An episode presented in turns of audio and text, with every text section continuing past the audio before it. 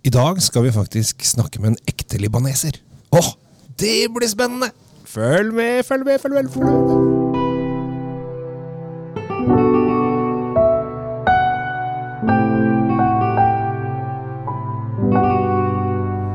Hei og hjertelig velkommen til eh, nok en episode av eh, Kjell Svinkjeller og Tom Amrati Løvaas sin Drinkfeed. Og i dag, Tom, så har vi gjest. Det har vi. og jeg må aller først få lov å skyte inn at dette er veldig moro for meg. Uh, det hender jo vi snakker om Altså, vi skal til Libanon. Ja. Vi skal på tur selv om vi er hjemme i Norge. Ja. Uh, Så, sånn er det jo ofte.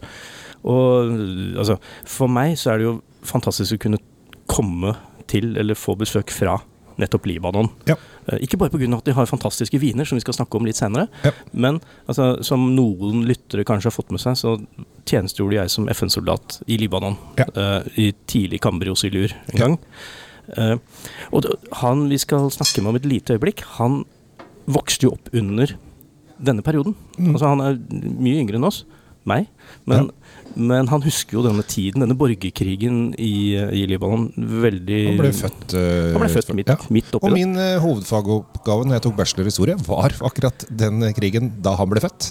Ja, ikke sant? Så her har vi sitter på fryktelig mye kunnskap, men vi skal ikke snakke så mye om det. Nei, for da blir vi sittende her hele tiden. Men kanskje du skal ønske uh, vår, vår gjest og vår Yes. vingjest velkommen? Emil og Majahal Majdalani. Oh, that was almost, almost. Almost. Welcome to Norway.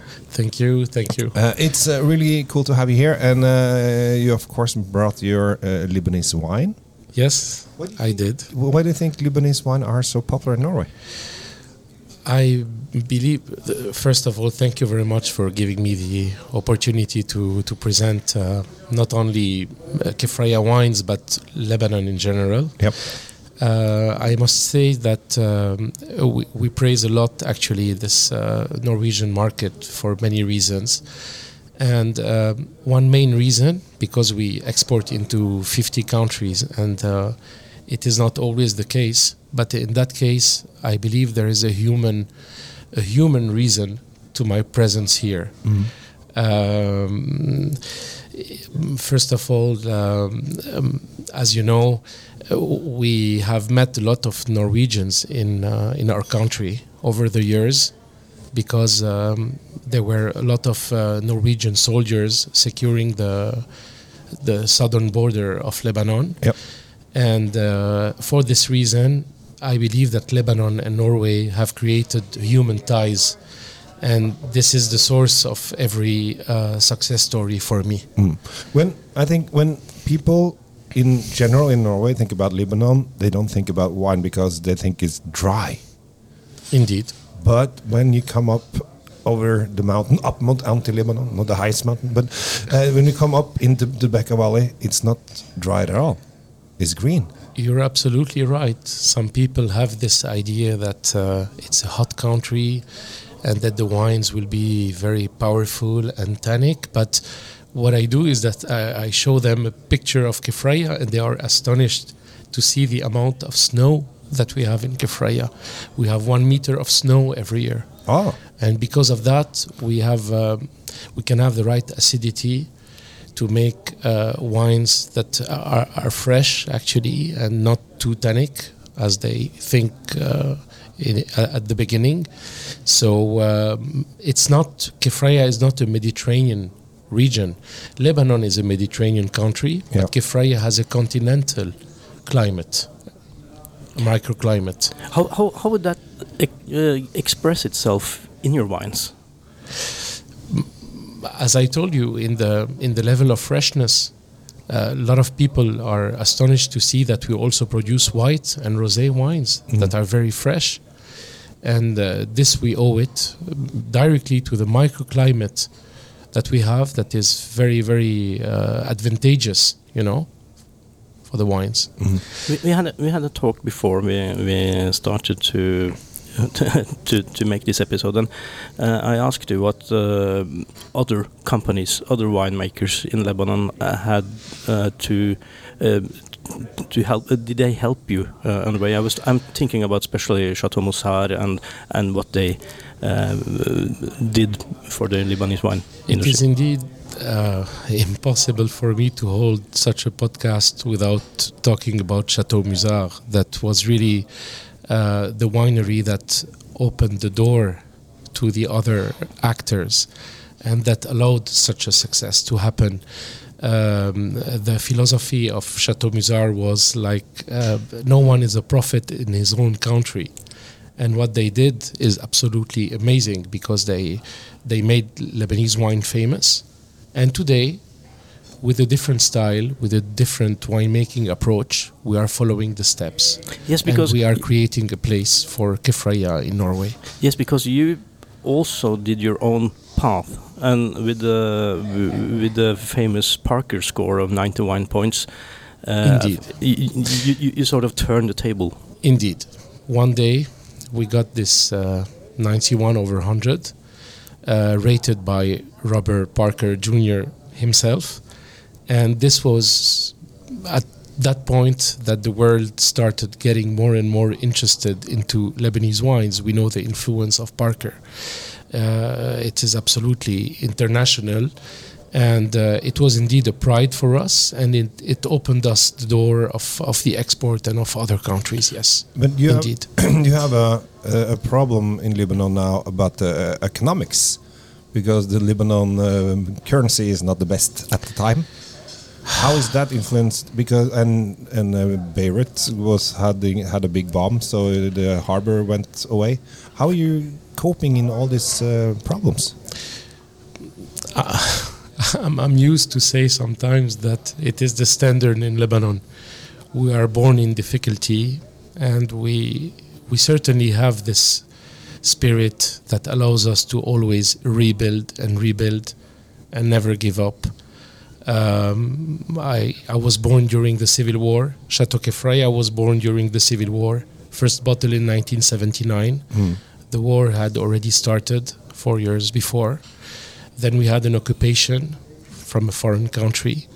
Then we had indeed this blast of the port that already that as well destroyed uh, a part of the of the of the city and of the nightlife and today our currency is gone.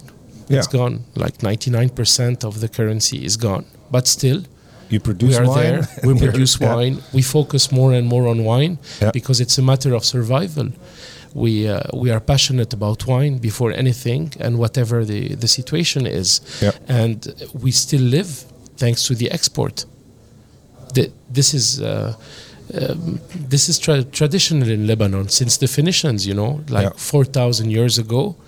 Some people were doing the job that I do. I'm doing today, so I'm. Uh, I'm, um, I'm, I try to be a Phoenician and I try to spread the culture of wine around the Mediterranean, but not only around the Mediterranean, all over the world, in 50 countries, mm. in Asia, in Africa, in South America, in Europe, of course. But and uh, yeah, this is actually uh, what uh, allows Lebanon to resist. Mm. But how how much wine do you produce? We have uh, we have plenty of different wines, not because we want to have plenty of different wines, but because the terroir dictates uh, and allows this diversity. What you need to know about Kefraya is that it is uh, situated in the West Bekaa, mm. and that just under Kefraya there is a tectonic uh, fault, the Yamunis tectonic fault, yep. that has left um, a, a, huge variety of different terroirs. We have terroirs uh, dated from the Jurassic, uh, from the Cretaceous, and uh, we have um, an astonishing variety of different terroirs. And for us to launch a new wine, you need to have a new expression. Yeah. And every wine at Kefraya expresses a certain quality of soil mm. and not only a blend. We uh, have uh, one of your wines here today. This is Les Bretèches. Yes. This is Les Bretèches. Yeah. And we, uh, it's it's quite popular. It's in uh, a lot of uh, monopoly stores. and and uh, this is a typical uh, Norwegian barbecue wine, isn't it? it is, yes. We should start drinking, uh, Tom. it goes I- very well yes, with I- I- barbecue We, indeed. we're talking too much. We should drink I'm, more. I'm, I'm just sitting and listening and waiting for a for a, a gap in the in the. Oh, and it's in- hard to get in here when you're. I uh, can't, but yeah. we, we have to taste this. And the first thing that uh, uh, that reaches me is that uh, you have a very close um, closeness to France, to to the French style. That's the first thing I w- I'm thinking about. And not only the style, but even the even the name of the wine is, is French, right? I will tell you, uh, uh, of course, we were under the French mandate until uh, 1943. So the influence of France in Lebanon is uh, absolutely real. Uh, you can hear that in my accent, I think. And um, uh, Michel de Bustros, who was the owner and who was the pioneer in Kefraya, um, adopted the French rigor he his purpose was to produce wines that would express the Lebanese terroir and be unique, but with rules that would be reflected by the French rigor. So what he did is that in a country where there there were no rules, you know, for the wine, he created his own appellation d'origine contrôlée. He wrote it, and he kept on following that uh, philosophy. What can you tell us about this particular wine? What are we smelling? What, what do we what do we want to smell in here? Well, um, L- L- Les Bretèches is very typical of Lebanon in the sense that it contains some uh, some Cinsault. The Cinsault is a grape variety that has been planted in Lebanon for now more than 150 years. So right after the Ottoman period, the French Jesuits started planting some Cinsault. So today, uh, we, talk about Lebanese Cinsault because it is deeply enrooted in uh, in Lebanon's terroir.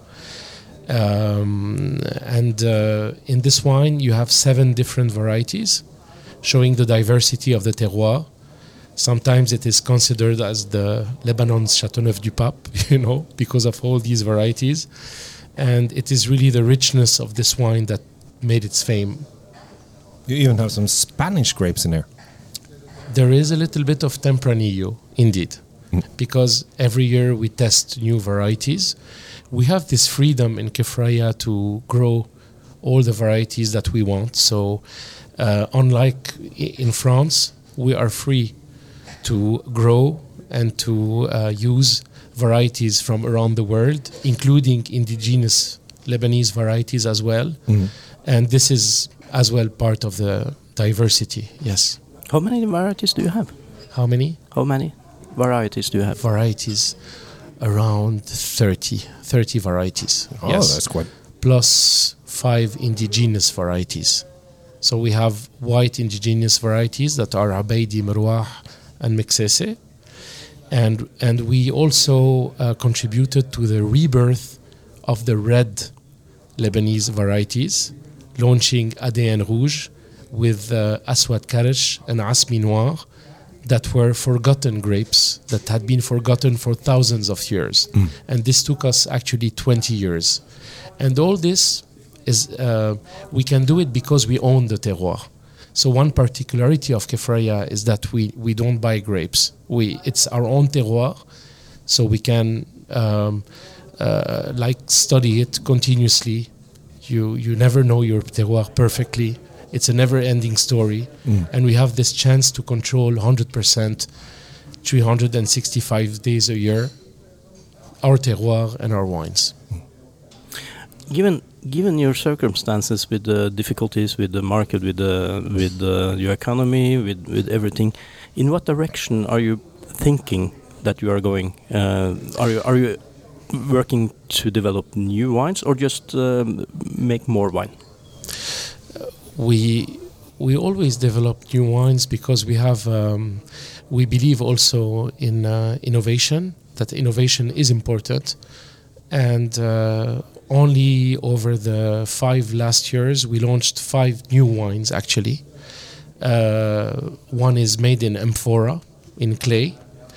Uh, it is a return to the origins it is using the method that our ancestors the phoenicians were using like 4000 years ago.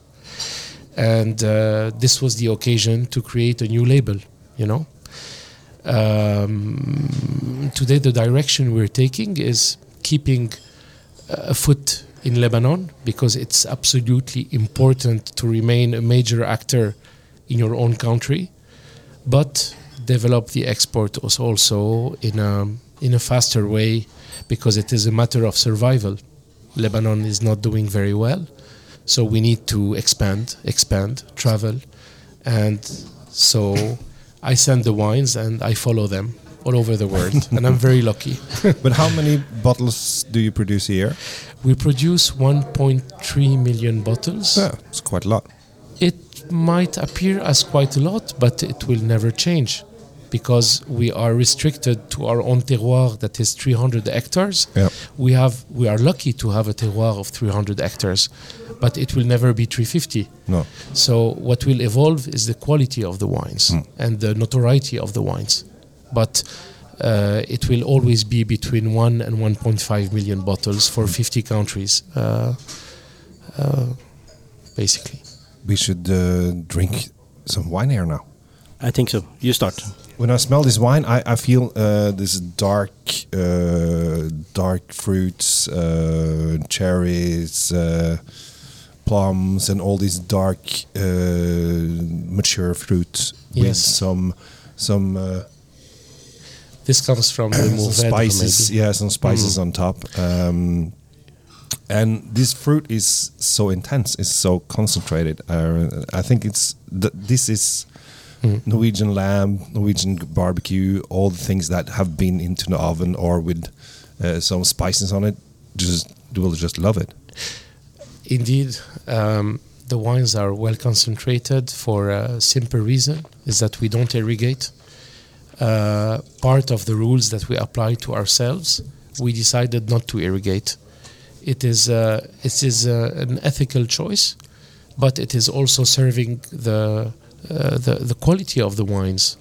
Uh, the yield in Kefraya is very low. It's like 25 hectoliters per hectare. That is extremely low and this permits to obtain wines that are well concentrated and even the Bretèches that is not the the the, the top of the range but already offers uh, a very rich palate um, uh, nice concentration a length in the mouth and uh, and this is due to the to, to, to, to the way that we deal with the ba- winemaking. so basically, if you have watered the plants, you would get much more grapes, basically much more wine, but Absolutely. the quality will be Absolutely. so low. if we irrigate, we'll get more volume. yeah, but we are not volume driven. no, We're quality driven, and if we were not quality driven, I believe I would not be now in Oslo no.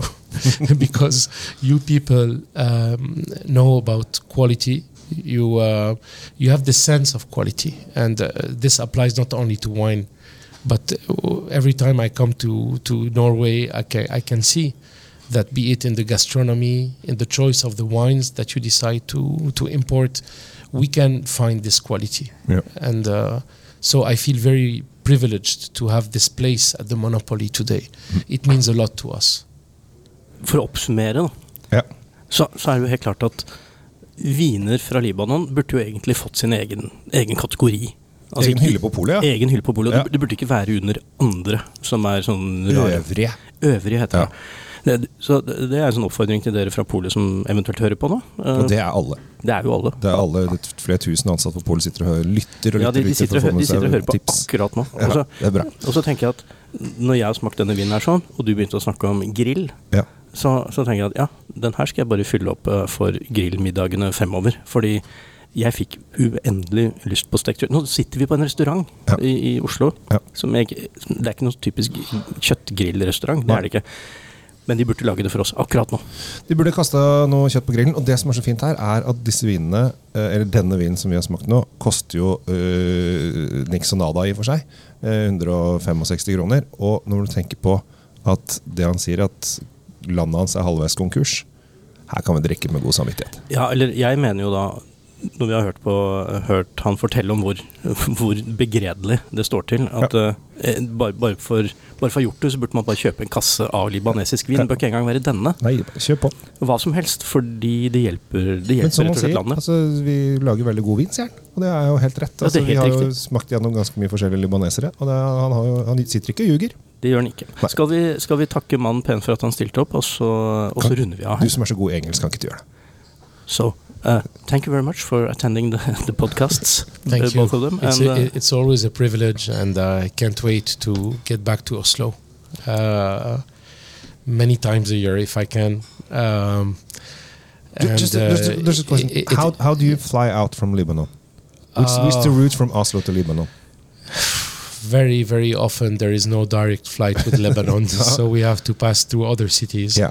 Uh, it is through Germany uh, mainly, through Okay. Düsseldorf. Yeah. And I'm just coming from uh, ProWein, Düsseldorf. Ah, yeah, yeah, I was in ProWein a few days ago, and uh, it was the perfect occasion to. Uh, to Is it safe come and- to have wine trips to Lebanon at the moment? I tend to think that there is no uh, really safe place in the world, actually. No. And uh, I would like to reassure the people who think about visiting Lebanon that it is not that dangerous. Well, No. there is a level of, there is a probability, there is a risk everywhere Yeah. uh, in current times, unfortunately. Um, so uh, we have actually we have a lot of tourists that come and visit the domain, and uh, um, it is not too crowded lately because of the si- the situation, but uh, it is a must see, and uh, it's a privilege for me to to like welcome all these tourists even in hard times. Be- Vin fra Libanon, 165 eh, kroner. bretches, Eh, verdt hver eneste grillmåltid. ja, og kjøp gjerne en kasse når du først er i gang. Klin til. Takk for nå.